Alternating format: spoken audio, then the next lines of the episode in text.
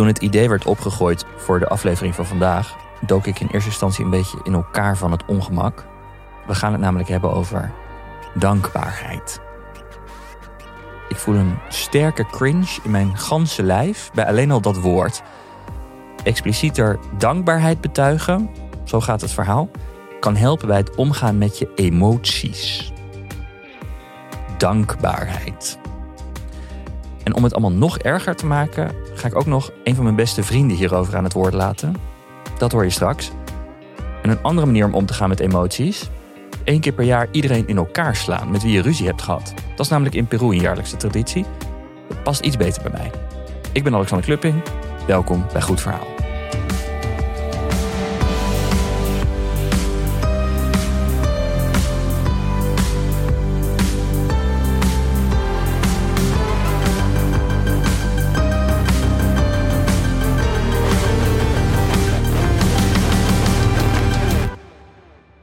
Goed Verhaal kiezen we elke week de beste verhalen voor je uit en geven we ruim baan aan talentvolle makers. En er staan al tientallen afleveringen van deze podcast voor je klaar.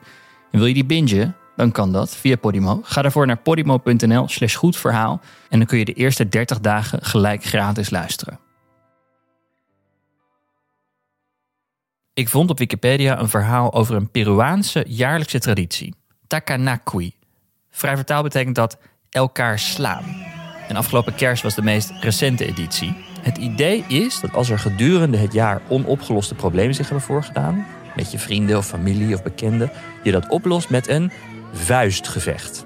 Dat begon allemaal als een traditie in een dorp waar 300 mensen woonden en waarbij de overheid überhaupt niet aanwezig was. Er was geen politie of er was geen rechtspraak. En daarop verzonnen de burgers een eigen systeem om conflicten op te lossen. En sommigen gebruiken dus die dag om rijdende rechterachtige zaken op te lossen, zoals een buurman die op jouw stuk grond een hek heeft geplaatst, of je hebt ruzie gehad met iemand, in, of je hebt relationele problemen, of zelfs conflicten van juridische aard. Je kunt ze allemaal oplossen met een vuistgevecht. En dat werkt zo. Je moet dus wachten tot die dag, de 25 december. En als je dan wil vechten, dan scandeer je de anders naam. Voornaam, achternaam. En vanaf dat moment mag je allebei naar het midden van een cirkel komen... waar al een onstuimige menigte klaar staat om jullie op te jutten. En dan wikkel je je vuisten in een stuk stof. En dan geef je elkaar eerst een hand of een knuffel. Dat vind ik mooi. En daarna begint het gevecht.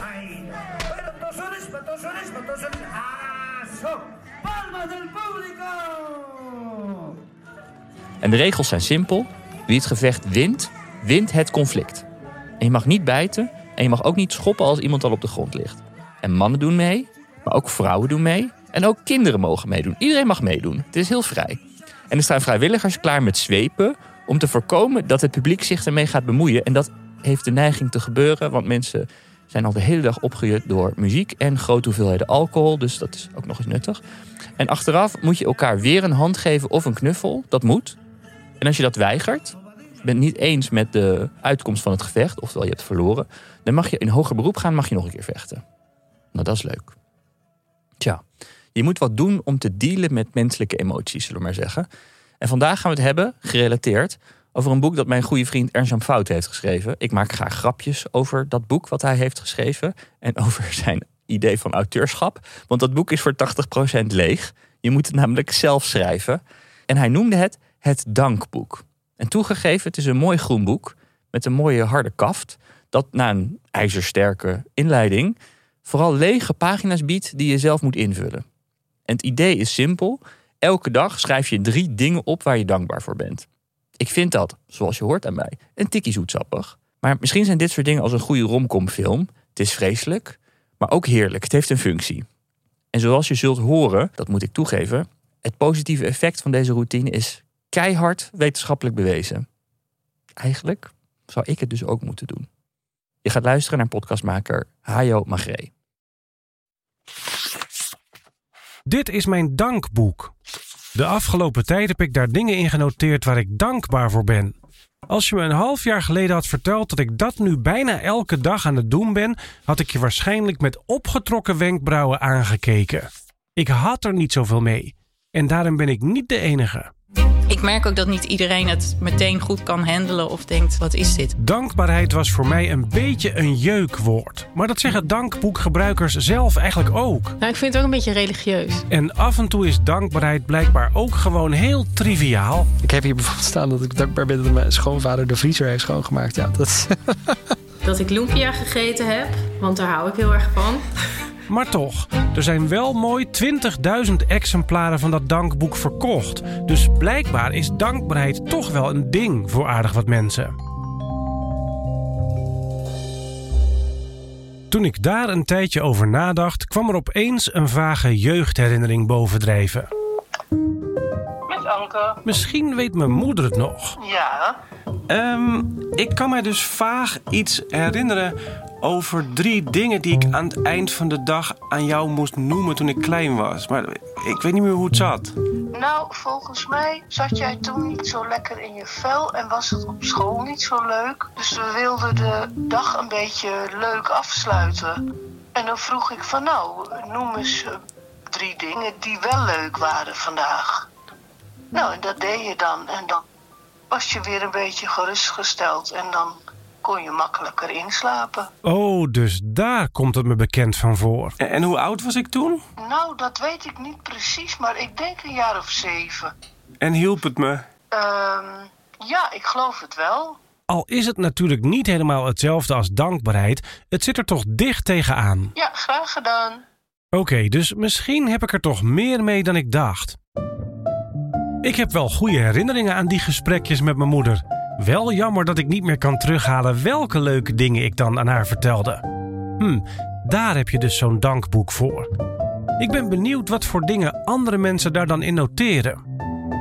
In Nederhorst den Berg woont dankboekgebruiker Manu samen met haar man Edward en hun twee dochters van 8 en 5. Zij schrijven vaak met het hele gezin in het dankboek na het avondeten. Op een willekeurige woensdagavond mag ik mee eten. Ik weet niet hoe groot de eten jij bent. Uh, gemiddeld. Gemiddeld. Er gaat een kaarsje aan en de quiche wordt aangesneden. Ja, is prachtig. Ja, ik vind het wel dun, maar het ziet er lekker uit. Ja? Ik ben benieuwd wat je ervan vindt. Het is weer wat anders. Wat zit er allemaal in dan? En aan het eind van de maaltijd komt het dankboek op tafel. Nou, nu komt het echt moment. Het Doe die maar niet. Van de waarheid. Dat is een beetje vies. Um, wie begint? Begin jij maar, mama. Waar ben jij dankbaar voor? Jij bent altijd de laatste. Vanochtend was ik met jou naar het kasteel, met school. Ik ben heel blij dat ik even tijd had genomen om uh, niet te werken en met jou op school mee op excursie te gaan. Uh, Omdat? Mama! Ja. Omdat ik heel blij word van, van kleutertjes. Mama, mama! Ik weet waar ik dankbaar voor ben. Ah, kijk. Waar ben ja, jij dankbaar voor? Dat ik de laatste minuut de koningin was geworden van tennis. En waarom ben je daar dankbaar voor? Omdat het is gewoon heel leuk om de koningin te zijn. Omdat dan hoef je niet de hele tijd weer uit de rij en de bal weer gaan opspelen. Leuk. Zo gaat dat dus bij Manu en Edward aan tafel. Doe je het echt elke dag? Nee, als ik heel eerlijk ben, dat, dat lukt niet. Ja, nee, we, we doen het met vlagen. Dus dan opeens dan heb ik er weer zin in. En dan, uh, uh, dan houden we het een poosje vol. En, uh, en dan op een gegeven moment dan heb je het niet meer nodig? Ik weet het niet. En wanneer heb je het dan weer wel nodig? Ja, dat is een goede vraag. Wanneer heb je het nodig? Ja, bij mij, wij, wij, deden eerder wel. Dus voordat we echt de, het dankboek hadden, dan deden uh, mijn man en ik het samen. Uh, voor het slapen gaan in bed. Van uh, waar ben je dankbaar voor? En dan drie dingen noemen aan elkaar. en dan hadden we ook altijd de afspraak van, nou noem er dan in ieder geval ook eentje over elkaar. Uh, maar die vervliegt altijd weer. En doordat ik dus ook nu het kan teruglezen, dus ik kan het me echt, nou ja, dat is het woord herinneren natuurlijk. Ja. Dus ik kan echt de herinnering weer terugkrijgen. Um, ja, en wij doen dat ook met elkaar. Dus dan ga ik met mijn dochters uh, het af en toe wel eens teruglezen. En dan realiseert Manu zich dat het niet allemaal zo perfect hoeft. Ja, goede moeder willen zijn natuurlijk. Goede echtgenoot willen zijn. Een goede dochter willen zijn. Uh, ja, goed zorgen voor mijn kinderen. Wat is goede opvoeding? Ja, er zijn nogal wat rollen waar ik allemaal in wil presteren. Maar ja, dus, dus wanneer heb ik het nodig? Dat is meer um, als je even behoefte hebt aan positieve dingen in je leven. Opgejaagd. Ja, ik was alleen maar aan het werk. Ik had het wel naar mijn zin. Die dingen die ik wilde lukten allemaal. Dat gaf me een enorme kick. Dit is Ernst Jan Fout, de maker van het dankboek. Als ik niet aan het werk was, dan wilde ik andere spectaculaire ervaringen opdoen. Dus het was een beetje het afschuwelijke cliché work hard, play hard. Ik was eind 20 en ik was of aan het werk of ik zat ergens in een café of in een club. Maar ik merkte als ik dan in de situatie kwam waar ik bijvoorbeeld niet kon werken of het niet uit de hand kon lopen qua feest of zo, dat ik dan meteen zo intens verveeld was en dan maar een beetje op mijn telefoon zat te klooien. Ik was gewoon niet in staat om tot rust te komen. Ja, het moment waar, dat ik me dat realiseerde was toen uh, mijn vrouw in verwachting was van het eerste kind. Ik me als een idioot ging gedragen. Nog meer uitging, nog harder ging werken en er dus helemaal niet voor haar was. Moeilijk om er ook nog over te praten. Het is heel gek om te ervaren dat je je als een idioot gedraagt zonder dat je precies weet waar het vandaan komt. En dat, dat vond ik echt echt confronterend en ook teleurstellend. Ergens in die zomer kwam ik gelukkig tot rust. Heb ik er die laatste paar weken wel kunnen zijn. Denk een maand na de geboorte van mijn zoon begonnen met een reeks op de correspondent over zelfhulpboeken. dat is waar ik mijn soelaas zocht. Nou, klinkt zo suf zelfhulpboek. En dat dat dan op mijn reactie op zoiets essentieel, zoiets belangrijks was. En daar stuitte ik al heel snel op dankbaarheid. En waar ik achter kwam, is dat wij mensen prima weten waar we gelukkig van worden. Dat is onderzocht of daar is goed over nagedacht. Als je dat lijstje op een rij zet en dat, dat lees ik aan jou voor, dan denk je niet van: Goh, dat is een verrassing dat dat erop staat. Dus tijd doorbrengen met je dierbaren. Of uh, jezelf uitdagen in werk. Uh, en, het gevoel dat het van betekenis is. Wat ik daar, me daardoor realiseerde is dat het probleem erin zit dat we altijd maar meer willen. En dat is natuurlijk evolutionair ook zo. Dat, dat, we moesten vroeger altijd, meer, altijd ervoor zorgen dat we overleefden. Maar daar heb je nu niet zoveel meer aan. En toen dacht ik van... Als we al weten waar we gelukkig van worden... dan is meer de uitdaging om te kijken naar wat we dan al hebben. Wat, wat ik dan al heb. Ik ben van nature geen dankbaar mens. Maar ik ontdekte in een van de 100 zelfboeken... dat je dankbaarheid kan beoefenen. Dat het, dat het niet per se een eigenschap hoeft te zijn... maar dat het iets is wat je kunt doen je blik verandert van alles wat je nog niet hebt naar wat je al wel hebt. Dus ik denk dat je geluk kunt vinden door niet ernaar te zoeken, maar door je blik naar binnen te richten en te kijken van wat is er al. En ik bedoel, ik ben nog steeds ambitieus. Ik heb nog steeds wensen en dromen. Alleen, ik kijk nu wel met andere ogen naar die ambitie. Ik weet dat ik veel dingen als populariteit of geld macht, weet ik veel. Dat soort dingen waar heel veel mensen naar streven. En waar ik ook naar, daar de componenten daarvan geschreven heb. En nog steeds streef. Soms. Maar als je dit goed kan plaatsen. Als je weet, ik ga daar nooit genoeg van hebben. Als je weet dat dat, dat nooit geluk zal brengen. Maar dat het gewoon een soort spel is of iets wat je motiveert. Dat heeft mij geholpen die ambitie veel beter te plaatsen. En ik weet wat me wel geluk brengt is thuis en, en, en vrienden. En daar, daar heel dankbaar voor zijn. Ernst-Jan Fout. Ik herken wel iets van wat hij zegt. Zo'n periode van hard werken en hard feesten heb ik ook wel gekend. Dat is nu ruim tien jaar geleden, denk ik, heel gek voor mijn oudste zoon geboren werd. Inmiddels is mijn bestelde dankboek ook bezorgd met de post. Uit nieuwsgierigheid begin ik te schrijven en op maandag 24 oktober is het eerste dat ik noteer: Ik ben dankbaar voor het weer, omdat het niet regende toen ik moest fietsen. En bijna meteen voel ik een beschaamd lachje opkomen. Is dit de bedoeling? Doe ik het wel goed? Dus voor de zekerheid noteer ik ook nog iets groters, iets serieuzers. Ik ben dankbaar voor het gezinsuitje naar de Beekse Bergen, omdat we gezellig samen met het gezin waren. Daar liep ik in het begin zeker tegenaan dat ik een soort criteria had. Dat ik merkte dat ik, dat ik echt tegen mezelf zei: Oké, is dit wel goed genoeg voor mijn boekje? En dat je een soort waardeoordeel hebt over je dankbaar dingen. Klaartje. Zij is een bevlogen gebruiker van het dankboek. Ik zoek haar op in haar appartement in Hartje, Almere. Ik mag nu gewoon van mezelf vrijuit associëren. De inspiratie komt altijd. Ik heb wel eens dagen gehad, dan was ik moe en had ik geen zin. En dan dacht ik, ik doe morgen wel en dan haal ik het wel in of iets. Maar als je hem gewoon opent, hoe rot je dag ook is, er komt altijd wat. Wat er in hem opkomt is dus nu eigenlijk per definitie ook goed genoeg. Stiekem doe ik soms ook wel gewoon soort van materialistische dingen. Maar daar koppel ik dan een heel positief gevoel aan. Laatst had ik opgeschreven mijn wasmachine, omdat ik heel blij word van gewoon een schoon bed. Dus dan ben ik heel blij dat ik in een westers land leef waarbij ik gewoon binnen een paar uur een schoon bed kan hebben. Dus dan ben ik wel heel erg blij. Soms technologie mag ik er ook soms, vind ik, inzetten. Dus. Ik kwam erachter dat het eigenlijk toch wel een soort van drie dingen zijn. Het is of vaak dat je blij bent met contact met anderen, omdat ik een vriendin had gezien of gesproken, of dat iemand iets voor je heeft gedaan, dat je denkt: oh super fijn dat hij dat voor mij heeft geregeld. En toch ook wel dingen over mezelf. Dus dat je een inzicht had, of dat ik trots was omdat ik niet had overgewerkt, of dat je eigenlijk dankbaar bent voor een plezier wat je jezelf doet. Je gaat uh, waarde toekennen aan, aan dingen die je meemaakt of dingen die je voelt. Ik heb ook wel gemerkt van, hé, hey, ik wist niet dat ik zo ontspannen word van uh, dat. Of dat ik het zo leuk vind om met diegene te zijn. En dan ben je er ook meer op gefocust. En dan trek je het als het ware ook aan, want je weet beter waar je blij van wordt. Waardoor je daar weer dankbaar voor wordt. Het is een soort visieuze cirkel waar je in komt. Het gaaf is dat je daar ook weer andere relaties met anderen door krijgt. Want doordat ik misschien relaxter in mijn dag zit... of omdat ik nog meer zin heb om jou te zien... ontvang ik ook meer, omdat ik het ook ga uiten. Dan zit ik in een gesprek of een moment en dan zeg ik... wauw, dit komt echt in mijn dankboek.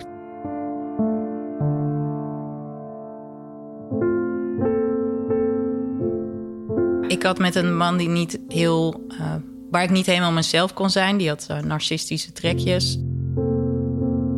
Verloor mezelf ook een beetje uit het oog. En dan kom je op een punt dat, je niet heel, dat het niet makkelijk is om dankbaar te zijn, omdat je heel erg vastzit in je eigen schuldgevoel. En je, bent, je staat heel erg in, in teken van een ander. En ik merkte dat ik er ook gewoon zelf niet goed van werd. Ook, ook uh, mijn gezondheid, alles tastte het aan. En toen heb ik ook radicaal een keer het roer omgedaan, omdat je denkt: dit, dit gaat zo niet meer. En dat heeft mij gelijk zoveel dankbaarheid gegeven. Ik ben letterlijk gewoon vertrokken met het zak kleren in de trein naar mijn ouders. Um,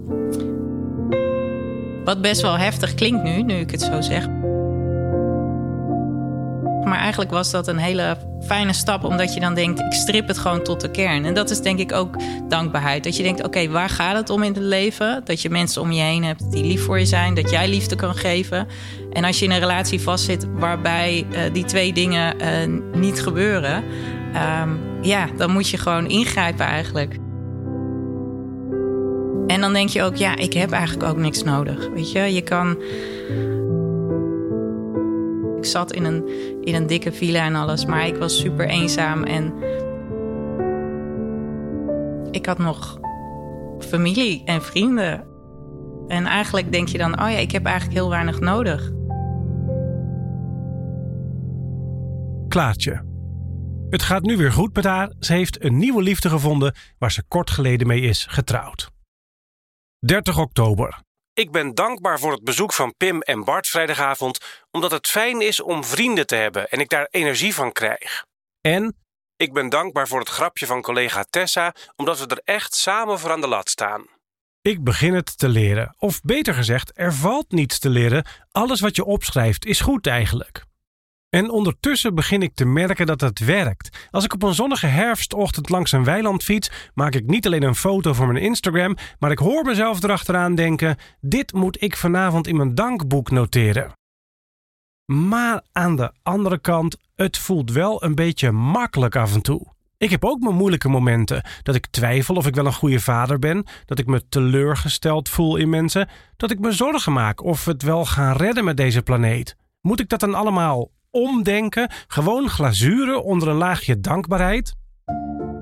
Dat is wat mij betreft niet de bedoeling. Ik bedoel, als je het moeilijk hebt, dan mogen negatieve gevoelens er zijn.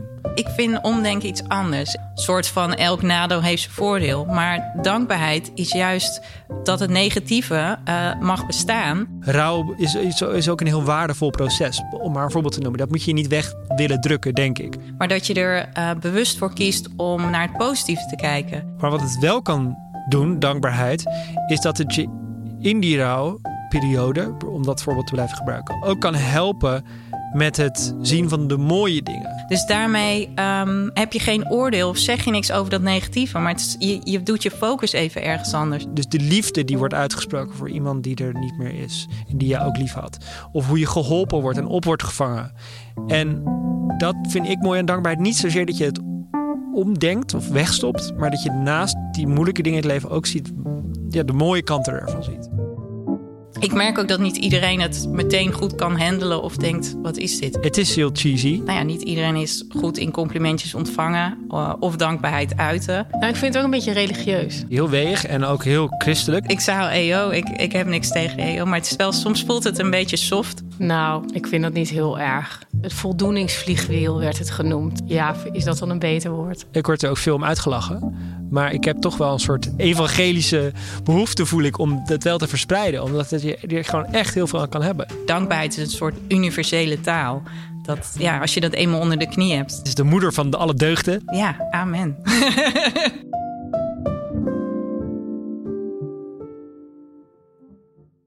Hoe meer ik in het dankboek schrijf, hoe beter ik begrijp wat de bedoeling is en hoe beter het gaat werken. Ik vertel erover aan mijn vrienden en als ik uit eten ga met collega's en iedereen toe moet spreken, bedenk ik voor elk van hen een persoonlijke boodschap, waarin ik vertel waar ik juist die persoon dankbaar voor ben. Dankbaar zijn gaat me vrij gemakkelijk af, vind ik eigenlijk. Misschien dat dat toch komt door die gesprekjes met mijn moeder jaren geleden. Dat ze me toen al heeft geleerd gedurende de dag kleine momentjes te verzamelen.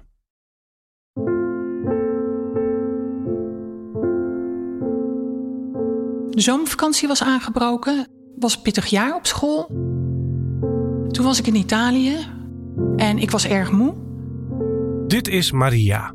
Ze komt uit de omgeving van Wijk bij Duurstede. Ze heeft drie studerende kinderen en ze is juf op een basisschool. Maar dat staat nu even op pauze. Ik begon wat last in mijn armen te krijgen van mijn spieren. In eerste instantie dacht ik, nou ja, het is raar, maar het zal overgaan. Toen we terugkwamen van vakantie, toen werd het eigenlijk heel veel slechter. Ik had die middag eh, bloed laten prikken en ik was nogmaals naar de dokter gegaan. Dus de eh, huisartsenpost belde en die zei: Mevrouw, het gaat heel slecht met u.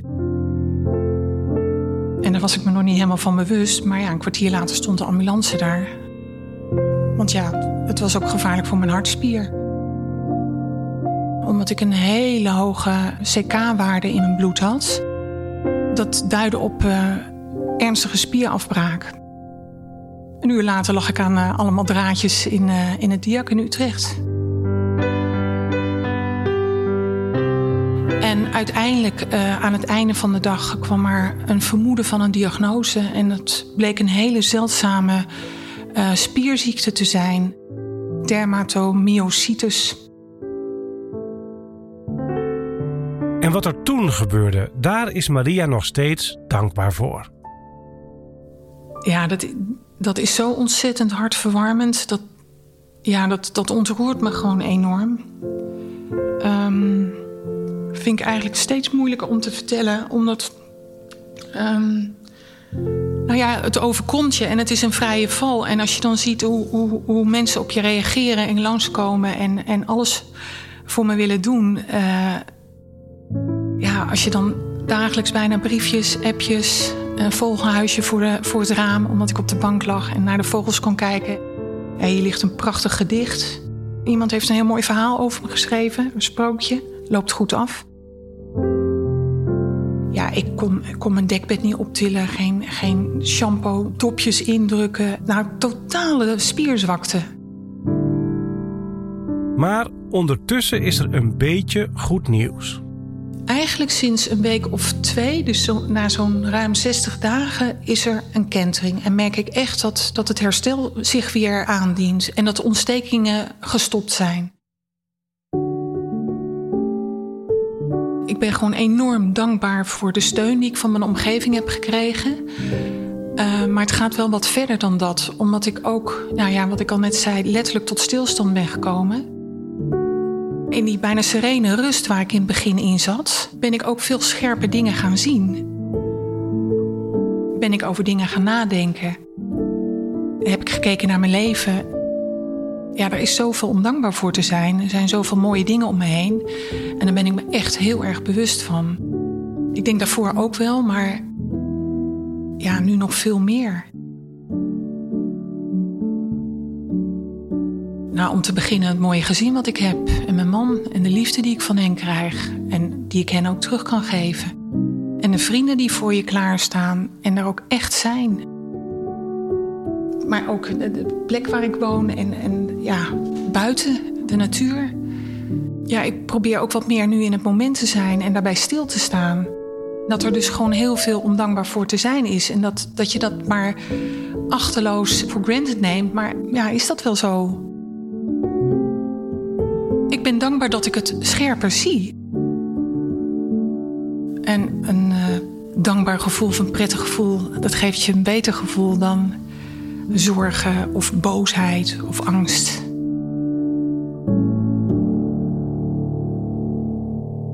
Maria. Het gaat gelukkig nog steeds elke dag een beetje beter met haar.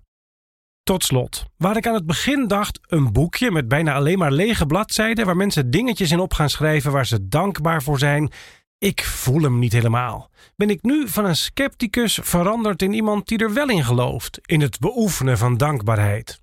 Opeens overweeg ik om het boek aan vrienden cadeau te doen die door een moeilijke periode gaan en die dan op hun beurt weer zeggen: Ik geloof niet dat ik jou helemaal kan volgen. Voor al die mensen zijn hier tot slot een paar voorbeelden van wat je zoal op kan schrijven in je dankboek. Een kleine dwarsdoorsnede van wat er in die 20.000 dankboeken staat. En dan hoor je: geluk zit in de kleine dingen. En daarom wens ik je voor 2023 heel veel kleine dingen toe. Alvast een gelukkig nieuwjaar. Ik heb opgeschreven dat ik mijn werkplezier weer aan het terugvinden ben. Want ik was het perspectief daarop al een poosje kwijt. En het voelt heel erg goed om die weer terug te hebben. Totaal opgaan in de restauratie van een knuffel. Omdat het verslavend fijn is uh, om te doen en heel erg mindful. Ik vergeet dan alles. Ik heb hier bijvoorbeeld staan dat ik dankbaar ben dat mijn schoonvader de vriezer heeft schoongemaakt. Ja, dat. ik ben dankbaar voor mama, omdat ze de liefste, sterkste, grappigste en knapste is. I love you, mama. Vorig jaar, dat is mijn schoonvader, zijn kookkunsten en gezelligheid. Omdat we zeker moeten genieten nu we nog samen zijn. Dat het sporten me net opvrolijkte na een overprikkelde dag. Daar is het toch wel echt goed voor, ook al heb ik er van tevoren geen zin in mooie bijvangst van dit alles. Dat ik zie hoe mooi mijn leven is. Dat er van me gehouden wordt. Dat ontroert me. En ik durf het te aanvaarden, te ontvangen. Maurice, omdat hij onverwachts eh, boodschappen deed toen ik uh, ziek was.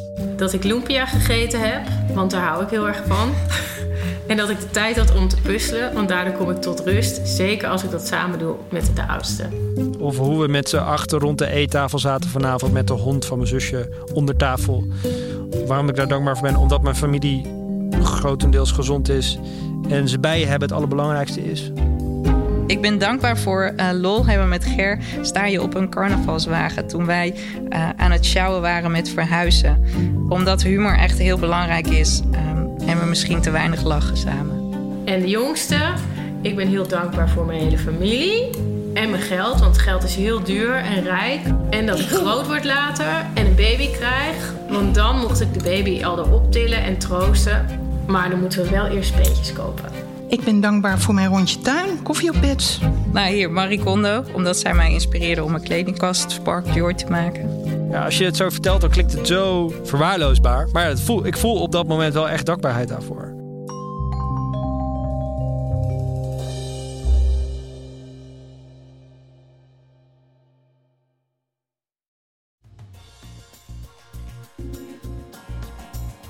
Dit goede verhaal werd gemaakt door podcastmaker Hayo Magree. Je kunt hem vinden via nap1.nl. Speciale dank aan alle gebruikers van het Dankboek die hun medewerking hebben verleend aan deze podcast. De eindmixage is gedaan door Jeroen Sturing. De eindredactie was van Charlotte Alles. Tot volgende week.